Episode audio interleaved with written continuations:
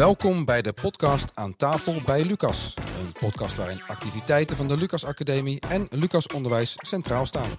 Iedere maand bespreken we aan deze tafel een activiteit.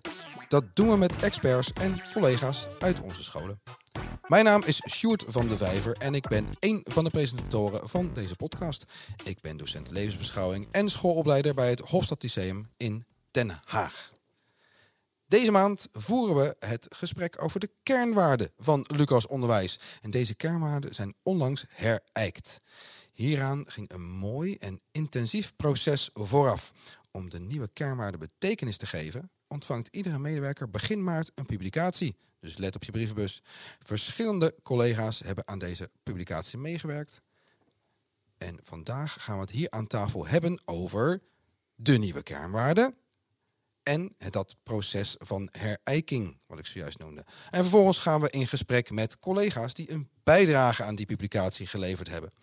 En uiteraard, zoals altijd in deze podcast, maken we een vertaling naar de praktijk. Vandaag aan tafel uh, Ingeborg van Wel, clusterdirecteur en vanuit het bestuur verantwoordelijk voor het proces van die herijking waar ik zojuist over sprak. En voordat ik verder ga met voorstellen, Ingeborg, wat zijn die nieuwe kernwaarden?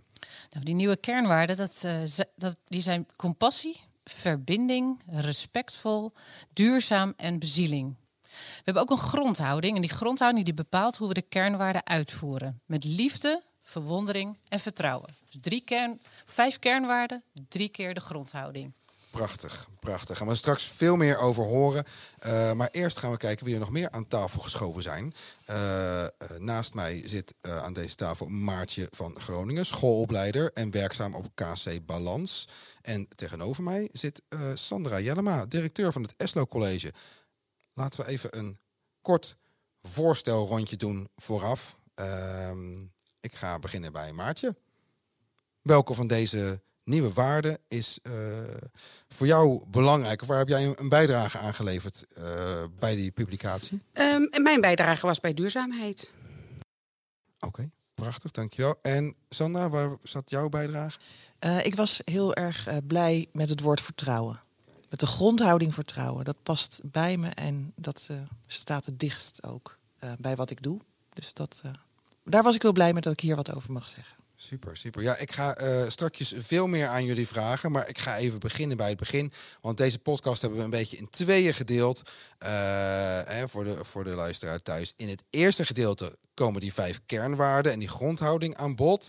Uh, ga ik voornamelijk ook met Ingeborg in gesprek. En we zoomen dan een beetje in op de betekenis van die waarden voor de organisatie, waar we tenslotte allemaal aan werken. En maken we ook een begin met het laden van deze waarden, om dat zo te noemen. En in het tweede gedeelte gaan we bij twee waarden, zojuist al genoemd, één keer de grondhouding, één keer een van de kernwaarden, gaan we iets meer de diepte in en maken we de verbinding met de praktijk. Dat is het plan. We gaan zien of het ook zo uit, uh, uit uh, gaat komen. Um, ik ga beginnen uh, dus met jou, Ingeborg. Jij hebt een groot aandeel gehad, of een flink aandeel gehad, in dat totstandkoming van die, die nieuwe kernwaarden. Uh, vanuit die grondhouding. Waarom is dit zo uh, belangrijk voor Lucas Onderwijs? Nou, de kernwaarden zijn, zijn feitelijk je morele kompas. Het, het is eigenlijk het, het, hart van de organisatie. En vanuit uh, die kernwaarden ga je met elkaar om. Dus het is echt de basis van hoe we binnen Lucas Onderwijs met elkaar omgaan. En dat gaan we dagelijks met elkaar om. Absoluut. Dus het is ook dagelijks in de praktijk te merken, lijkt me dan. Maar nu zijn ze herijkt. Waarom was dit nodig? Nou, wij zagen dat het toch best een aardige tijd geleden was dat die kernwaarden uh, opgesteld waren. Dus het was echt uh, wel wat verouderde taal.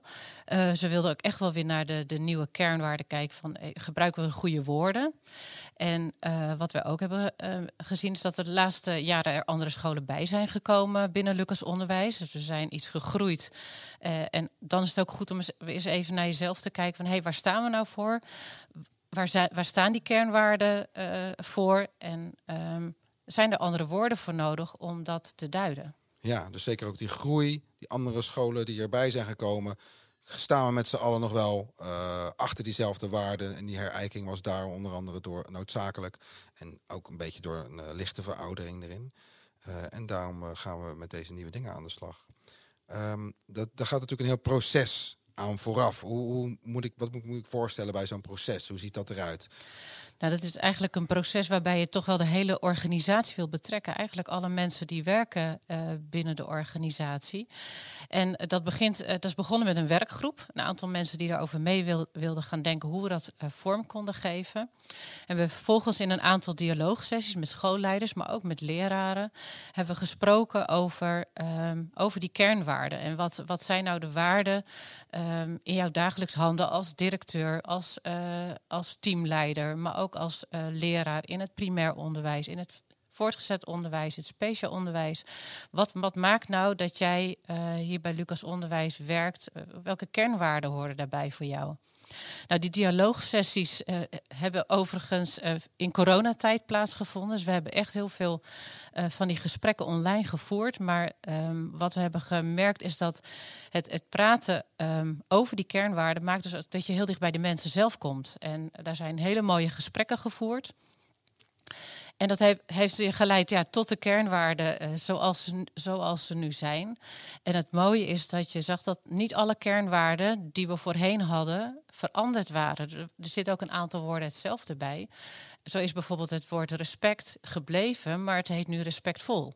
Dus dat zijn echt mooie denkprocessen die daar uh, ja, hebben plaatsgevonden.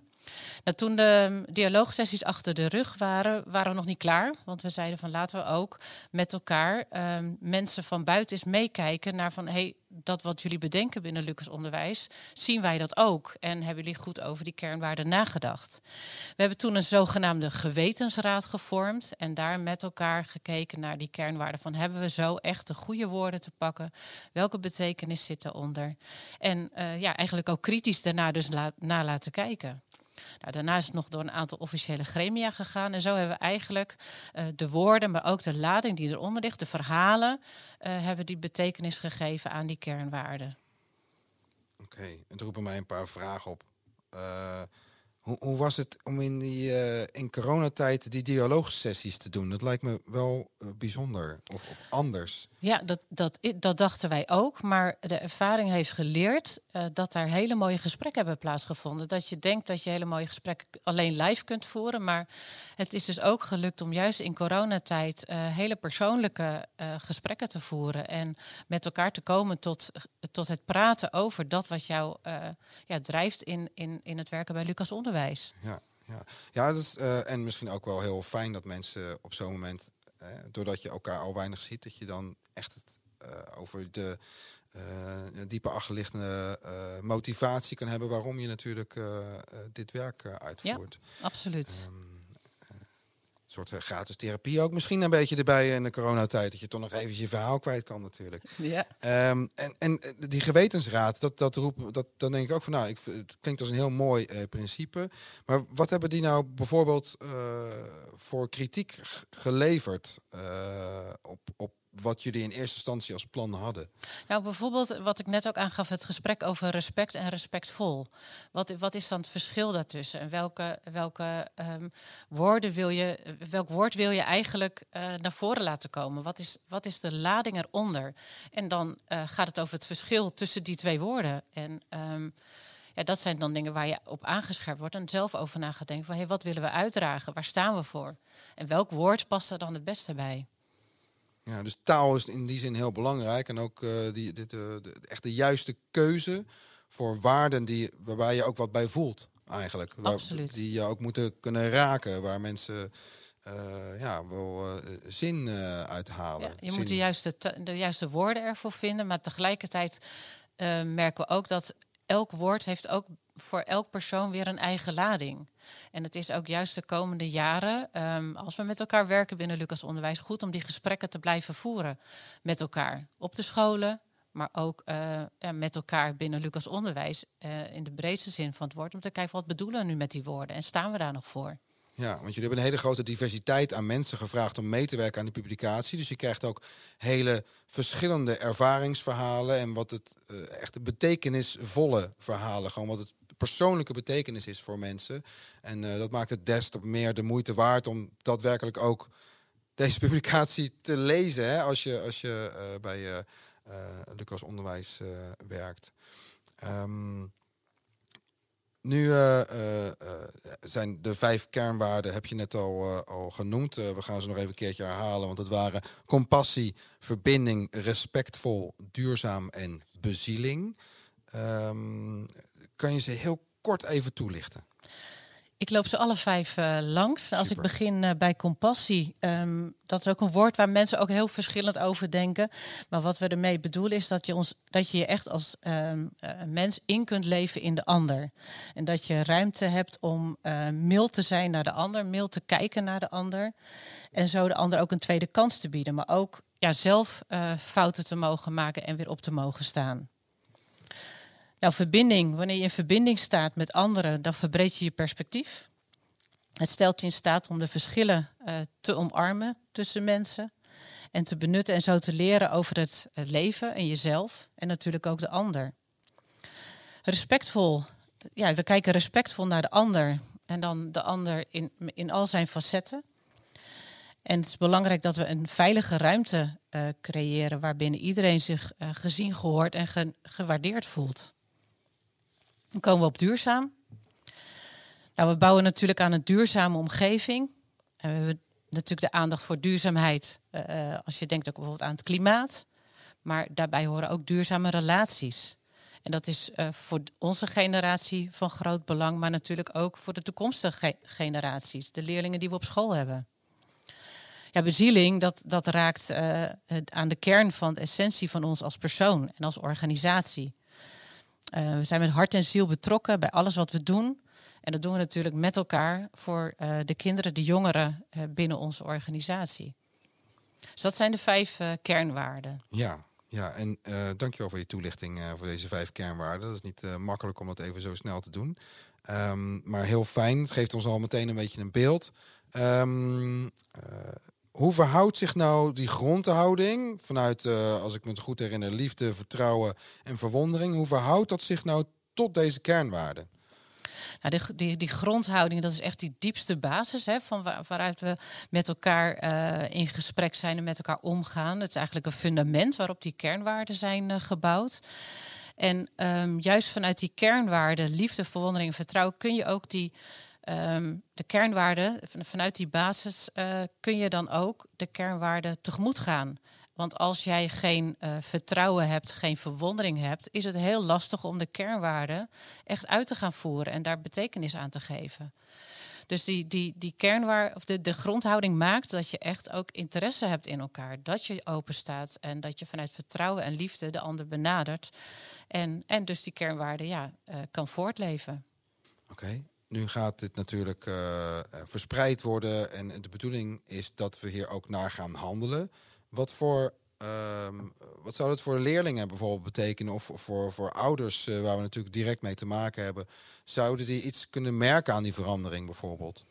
Nou, ik, ik, ik hoop niet dat we heel erg veranderen, want ik denk dat we met deze kernwaarden al heel hard bezig waren, dagelijks in dat wat we doen.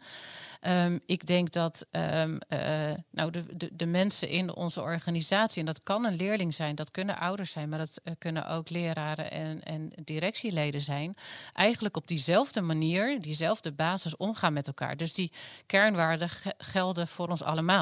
En dat zou je echt op alle manieren, in gesprekken, in lessen, um, uh, ja, eigenlijk in, in, in heel Lucas onderwijs waar uh, activiteiten plaatsvinden, zou je dat moeten terug kunnen vinden. Ja, dus het is zowel de beschrijving eigenlijk van waar, waar staan we nu, maar ook waar staan we voor en waar willen we naartoe. Dus het heeft echt een, een diverse ladingen, deze kernwaarden, als ik het goed begrijp. Ja, het zijn de kernwaarden die we al hadden, want er zit echt heel veel in van, van wie we zijn.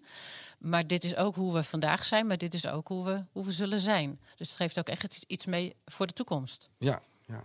Nou, die blik op de toekomst, uh, die heb ik. Uh, uh, dankjewel Ingeborg voor deze uitleg. Het is een ingewikkeld proces geweest en, en, een, en, een, mooie uitkomst hieruit. Ik heb twee mensen die aan tafel zitten, die willen denk ik dolgraag toelichten hè, wat zij eigenlijk hebben met eh, de kernwaarden of met de grondhouding eh, eh, ja, waar jullie bij zaten. Ik begin, Ik wilde nog heel even iets, iets zeggen over het proces. Want ik denk dat ik het heel begin nog mooi niet. is. Sandra wil Ja, nog iets. Nee, ik, ik vind het, eh, het proces is namelijk ook heel waardevol. Om echt stil te staan als persoon en de vraag gesteld te krijgen: wat vind je nou belangrijk? En wij in het onderwijs die willen door en het is ontwikkeling en je gaat weer door. En, ehm, maar om even zelf eh, de stilte te zoeken en te, te kijken wat is nou de grondhouding eh, waar ik in geloof, waar ik als onderwijsmens eh, in geloof dat dat de kinderen verder helpt, vond ik echt super waardevol. En ook om met anderen daarover te hebben, dat je even de diepte zoekt, vond ik echt heel mooi. En dat blijven we ook doen binnen Lucas Onderwijs. Want het kan niet zo zijn dat je die kernwaarden hebt gevormd. Nu zijn ze er en dat dat proces klaar is. Dit is iets wat we ja, blijven doen. Ja, dankjewel Ingeborg voor deze toevoeging. Sandra, dankjewel voor je, eh, eigenlijk een ja, beschrijving van hoe je het ervaren hebt. Hè. En laten we niet vergeten dat dit... eh, je geeft aan dat het eigenlijk gewoon een soort van zingevende factor is ook geweest in je werk... om het over deze eh, diepe achterliggende waarden te hebben. Hè. Het motiveert je ook weer om elke dag naar je werk te gaan... en te denken, waar doe ik dit voor?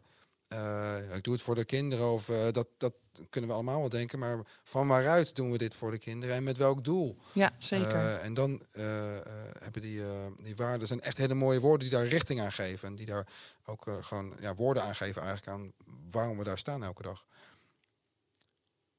Maartje. jij denkt, oh, ben ik nu aan de beurt? Ja, jij bent gevraagd voor het onderdeel over voor duurzaam. Ehm, en eh, ja, daar gaan we het natuurlijk nu hebben over zonnepanelen en eh kartonnen bekertjes. Gescheiden en, afval. eh, gescheiden afval. Ja, nou nee. Ja, daar kunnen we het ook over hebben. Vind ik ook heel belangrijk. Maar ehm, bij mij gaat het vooral over duurzame relaties. En dat heeft meer in de, met te maken met de rol die ik nu binnen Lucas Onderwijs heb. En ehm, wat, dat, wat, ik heel erg belangrijk vind als we het over de toekomst hebben... en als we samen iets moois willen maken en behouden... hebben we het natuurlijk ook over onze nieuwe collega's... die er straks allemaal aankomen en die studeren. En eh, daar moeten wij ook heel op een duurzame manier mee omgaan. En dat is iets wat, eh, wat ik heel belangrijk vind. En dat komt ook een beetje om. Ik ben wel ik ben schoolopleider, maar wel voor de flexibele voltijd in, eh, voor Leiden, in Hogeschool Leiden. En dat is een eh, variantopleiding over het binnen het samen opleiden. Waar, we, binnen het heel belangrijk vinden dat de student onderdeel is van ons team en van ons bestuur. En eh, daar past echt een stukje duurzaamheid in. Dus als ik vraag wat betekent duurzaam voor jou, dan zit het voor jou ook op het, heel erg op het vlak van duurzame Ja. relaties aangaan. Eh, en in jouw werk zie ik dat duurzaam dan terug in, eh, in jouw eh, dat je schoolopleider bent. Eh, wat, wat, wat doe je dan zo al? hele dag. Wat, dan, wat ik duurzaam kan, kan noemen? Of waar kan ik dat? Nou, hoe, hoe herken ik dat in jouw Nou, handelen? Als, als schoolopleider ben ik, eh, laat maar zeggen, het contactpersoon voor eh, de student die bij ons stage loopt, voor de flexibele voltijd, maar ook voor de PABO, dus voor de opleiding, maar ook voor het bestuur en ook voor de, school, voor de opleidingsscholen, voor de mentoren en ook voor de student. Dus eigenlijk, ik zeg altijd maar, als er ergens een vraag is, komen ze bij mij. En ehm, dat is niet bij alle studenten op dit moment nog zo. Is wel ergens waar we naartoe, naartoe gaan werken. Naar, richting 2030 gaan we naar allemaal samen opleiden. En, maar deze variant doet dat al. En wat ik daar zo belangrijk in vind, is dat de student die we opleiden binnen onze opleidingsscholen, binnen Lucas Onderwijs, al onderdeel maken van ons team. Maar ook die horen al bij Lucas Onderwijs. Dus die kennen we heel erg goed. En ik denk als je iets mooier wil maken, als je de wereld mooier en beter en gezonder wil maken, dan ga je met z'n allen kartonnen bekertjes, zonnepanelen. eh, hè, dat leren we de kinderen ook heel erg en ook onszelf. Maar als je nieuwe collega's wil verwelkomen, is het ook heel belangrijk dat je contacten onderhoudt en relaties onderhoudt en de studenten goed leert kennen. Wat zijn hun kwaliteiten? Wat zijn hun behoeftes? Wat is hun visie op het onderwijs? En die studenten begeleid ik vier jaar lang. Onder andere niet alleen ik, maar ook de, eh, Hogeschool Leiden. Dus ik ken deze studenten heel goed. Dus ik weet waar, ze, waar de behoeftes liggen, waar ze in hun opleiding zitten. Ik zorg ervoor dat ze binnen een team passend zijn, maar ook leren om teamlid te worden. En dat het team ze ook ontvangt als collega. Ik hoor heel veel directeuren, stagecoördinatoren, coördinatoren ook altijd zeggen van... oh, dat is, e- dat is mijn collega. Niet eh, een student, maar een collega. Dat is mooi. Eh, Ja. Bijvoorbeeld in vergaderingen zit ik ook naast studenten. Maar die zie ik dan als collega. En voor een student is het heel belangrijk dat ze gezien worden ook binnen een team als collega. En dan voelen ze zich op hun gemak en ook dat ze er mogen zijn. En dat is alleen maar in hun voordeel voor een opleiding. Maar je ziet ook aan het einde van de opleiding dat ze allemaal blijven of terugkomen of een duidelijke visie hebben op, een, op het onderwijs en heel bewust voor een school kiezen en daar ook voor gaan. En dat ze onderdeel blijven van dat team en daar heel gelukkig mee zijn. Dus in plaats van dat we een student wel eens ontvangen in de klas en dan denken: waar zijn ze nou gebleven? Ik heb ze nooit meer teruggezien en we gaan ze nog eens opzoeken. Ja, onze studenten blijven allemaal binnen de flexibele voltijd. Voorheen oplis is misschien binnen Lucas Onderwijs, dat heet, zo heette het de opleiding eerst. En ja, ik sta daarvoor dat als je eh, een relatie goed onderhoudt, of het nou met een student, een mentor, een opleidingsschool of de, de PABO, maakt niet uit. Als je daar de verbinding, nou dat past daar ook weer goed bij, zoekt en onderhoudt, dan ben je duurzaam bezig en dan zorg je er ook voor dat die fijne collega's blijven. Wat, eh, ja, je legt het heel mooi uit. Ik ben zelf natuurlijk ook schoolopleider, dus ik- herken ook heel veel van, van Ja. wat je zegt. En ook, eh, maar ik vind het ook wel heel mooi dat dat nu eh, binnen eh, het kader van duurzaam eigenlijk eh, eh, wordt benoemd. Namelijk dat je te maken hebt met duurzame relaties aangaan. En, en wat ik jou heel erg hoor zeggen is, we nemen zo'n student heel serieus. Eh, het, is niet, het is niet gewoon maar een stagiair Nee. of wat dan ook. Nee, het is iemand die we voor de toekomst voor het onderwijs willen behouden. In een tijd waarin ontzettend eh, ook het lerarentekort natuurlijk op de agenda staat overal. Dus dit is niet alleen gewoon, het is niet een eh, grondhouding, maar het is ook gewoon nodig voor de toekomst van alle kinderen dat ze überhaupt leraren voor de klasse bestaan. Dus je neemt ze serieus en ik hoor je dat ook zeggen dat dat, dat, dat, dat je doe je in contact met ze, je betrekt ze overal bij. Ja, maar als je iets wil Eh, behouden, dan moet je er ook voor zorgen. En als je een student opleidt, dan moeten we dat met z'n allen doen. Dat kan ik niet alleen doen als stagebegeleider of een school of een pabo. Dat zullen we met z'n allen moeten doen. En eh, het klinkt misschien heel klein, maar ook een naamkaartje hebben als je binnenkomt. Of een mailadres of een klein cadeautje tijdens van, met de kerst. Of eh, meedoen met de vergadering. En ook jij mag iets zeggen. Ook al ben je maar eerstejaars, je ziet in deze vorm waar ik eh, in opleid, is dat in het begin zit het nog een beetje spannend erbij. Maar ik zie derde, vierdejaars die toch duidelijke mening hebben en meedoen in een vergadering, waar ik echt super trots op ben. Ik vind het heel mooi, Maartje. Ik heb wel een vraag nog. Want ik hoor, ik, jij beschrijft natuurlijk, dit is jouw, jouw Ja. taak ook. Hè? Dus jij doet hierover. Hoe betrek je nou je collega's hier ook bij? Want, want die, die waarden die hebben, die moet, kunnen niet bestaan als je ze niet samen ook eh, draagt. Dus hoe, eh, hoe zie jij dat gebeuren? Of Nou, binnen eh, deze- neem je daar actief een rol Nou, in aan? sorry, binnen deze variant is het zo dat we met opleidingsscholen werken, die het heel erg gewend zijn om deze studenten te ontvangen. Het is wel zo dat we het aan het doorontwikkelen zijn binnen Lucas Onderwijs. Dat eigenlijk straks in 2030, als we alle studenten binnen dit samen opleiden, gaan opleiden binnen Lucas Onderwijs, maar niet dat- gewoon in heel Nederland, dat we er allemaal aan gewend raken. En hoe doe ik dat? Door er veel over te vertellen. Maar eh, als stagebegeleider, als ik een school binnenkom, loop ik altijd even mijn rondje. En ik zwaai naar iedereen. Ik, eh, ik meld even dat ik er ben. Ik vraag even of alles lukt. Kan ik nog iets voor je doen? Ik geef ehm, bijeenkomsten waar ik veel over de, de, de opleiding vertel. Ik kom met studenten veel samen. eh, neem de tijd voor mentoren. Dus eh, door een voorbeeld te geven, maar ik merk in mijn opleidingsscholen waar ik mee werk, is het eigenlijk heel gewoon. Die zijn daar al heel in en die vinden dat heel normaal dat dit gebeurt. En ik denk soms, kijk, als ik over mijn opleiding, daar was dat natuurlijk nog niet zo. Dat op die manier gebeurt, dat wilde je wel. Maar mijn, de studenten waar ik over praat, die lopen ook twee dagen stage in de week. Dus twee dagen achter elkaar. Dat is al een wezenlijk verschil met als je één dag in de week op donderdag bijvoorbeeld stage loopt. Je klas heeft ook nog gym. En daarna is er altijd, eh, ik noem nog wat, dat je weinig hè, vlieguren maakt. Deze student staat twee dagen in de school. Die doet mee met teamtrainingen. Die gaat eh, met alles mee. Dus dan eh, wordt het ook al een stukje makkelijker. Mooi, mooi uitgelegd. Eh, ook heel praktisch. Ik ga door naar Sandra. Sandra, jij hebt een hele andere taak binnen jouw school. Eh, vertel, vertel er even wat over en ook meteen wat, wat vertrouwen daarmee te maken. Ja, ik ben directeur van een uh, praktijkschool. En dat, daar zitten leerlingen op die, waarbij het niet allemaal vanzelf gaat. Dus die moeten misschien net even iets harder werken om hetzelfde te kunnen bereiken. En daarbij is het heel belangrijk dat jij mensen om je heen verzamelt die vertrouwen hebben in jou, gewoon in jouw zijn. En dat de prestatie die je levert niet iets zegt over degene die je bent. En vertrouwen is heel kwetsbaar, want vertrouwen daar moet, dat moet je opbouwen. Dat heb je niet in één moment. Dus dat gaat uh, over elkaar leren kennen, uh, in contact zijn met elkaar, op iemand kunnen bouwen, dat de ander doet wat hij zegt. En dat je daardoor eigenlijk een basis opbouwt en dat je hoort van de docent als iets niet goed gaat, dat je het nog niet kan. En het woordje nog, dat is het vertrouwen. Dus je gaat het wel leren, moet alleen nog even iets anders leren, een andere basis daarin zetten. Dus dat is eigenlijk ehm, het woord vertrouwen. Ik vind dat echt de basis en het is ook het cement, ook binnen je team. Het cement tussen mensen.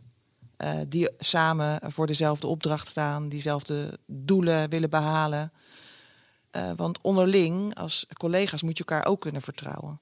Want je staat voor die groep, je wil allemaal hetzelfde. En dan wil je ook uh, dat je daarop kan, dat je ook op je collega's kan bouwen. En het kwetsbare is, we zeggen wel eens het komt te voet en het gaat te paard. Eén verkeerde opmerking kan een jaar opgebouwd vertrouwen vernietigen. En dat klinkt heel zwaar, maar de kinderen waarmee wij dagelijks werken, je weet niet wat er onder die ijsberg zit.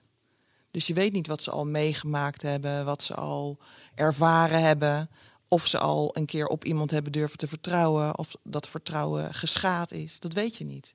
Dus het vraagt ook heel veel focus en aandacht uh, om, om daadwerkelijk uh, dat vertrouwen te tonen in woord en in daad, als ik het goed begrijp. Ook ja. onderling, zeg je, tussen tussen collega's is het heel belangrijk. Doen wat je zegt, hoor ik jou ook ja. uh, zeggen. Dat zorgt ook voor dat vertrouwen dat je, dat je, en dat ja. opbouwen waar je, het, uh, waar je over spreekt. Ja. Nou, het gaat ook over loslaten. Want als je een kind niet loslaat, dan geef je het kind ook geen vertrouwen. Als je elke keer zegt, nou niet doen, of weet je het zeker? Dan denk je, ja, wat geef je je kind nou mee? Je kan het niet. Uh, dus de, wat dat betreft is dat een hele belangrijke. En dat is ook voor teamleden. Kan je, kan je een voorbeeld geven van wat je, wat je dan ziet in jouw school over nou, dat, dat ja, zelfvertrouwen geven aan die leerlingen? Ja, de, uh, bijvoorbeeld met, uh, we hebben een horecaafdeling, we hebben techniek. Nou, daar staan apparaten waar ik wel af en toe een beetje angstig van word. Dus ik moet vooral geen techniek geven, want ik ben alleen maar bezig. Oh, kijk uit jongens, dat is scherp. Oh, dat is heet. Dus dat, dan geef ik eigenlijk mijn eigen angst over aan die kinderen.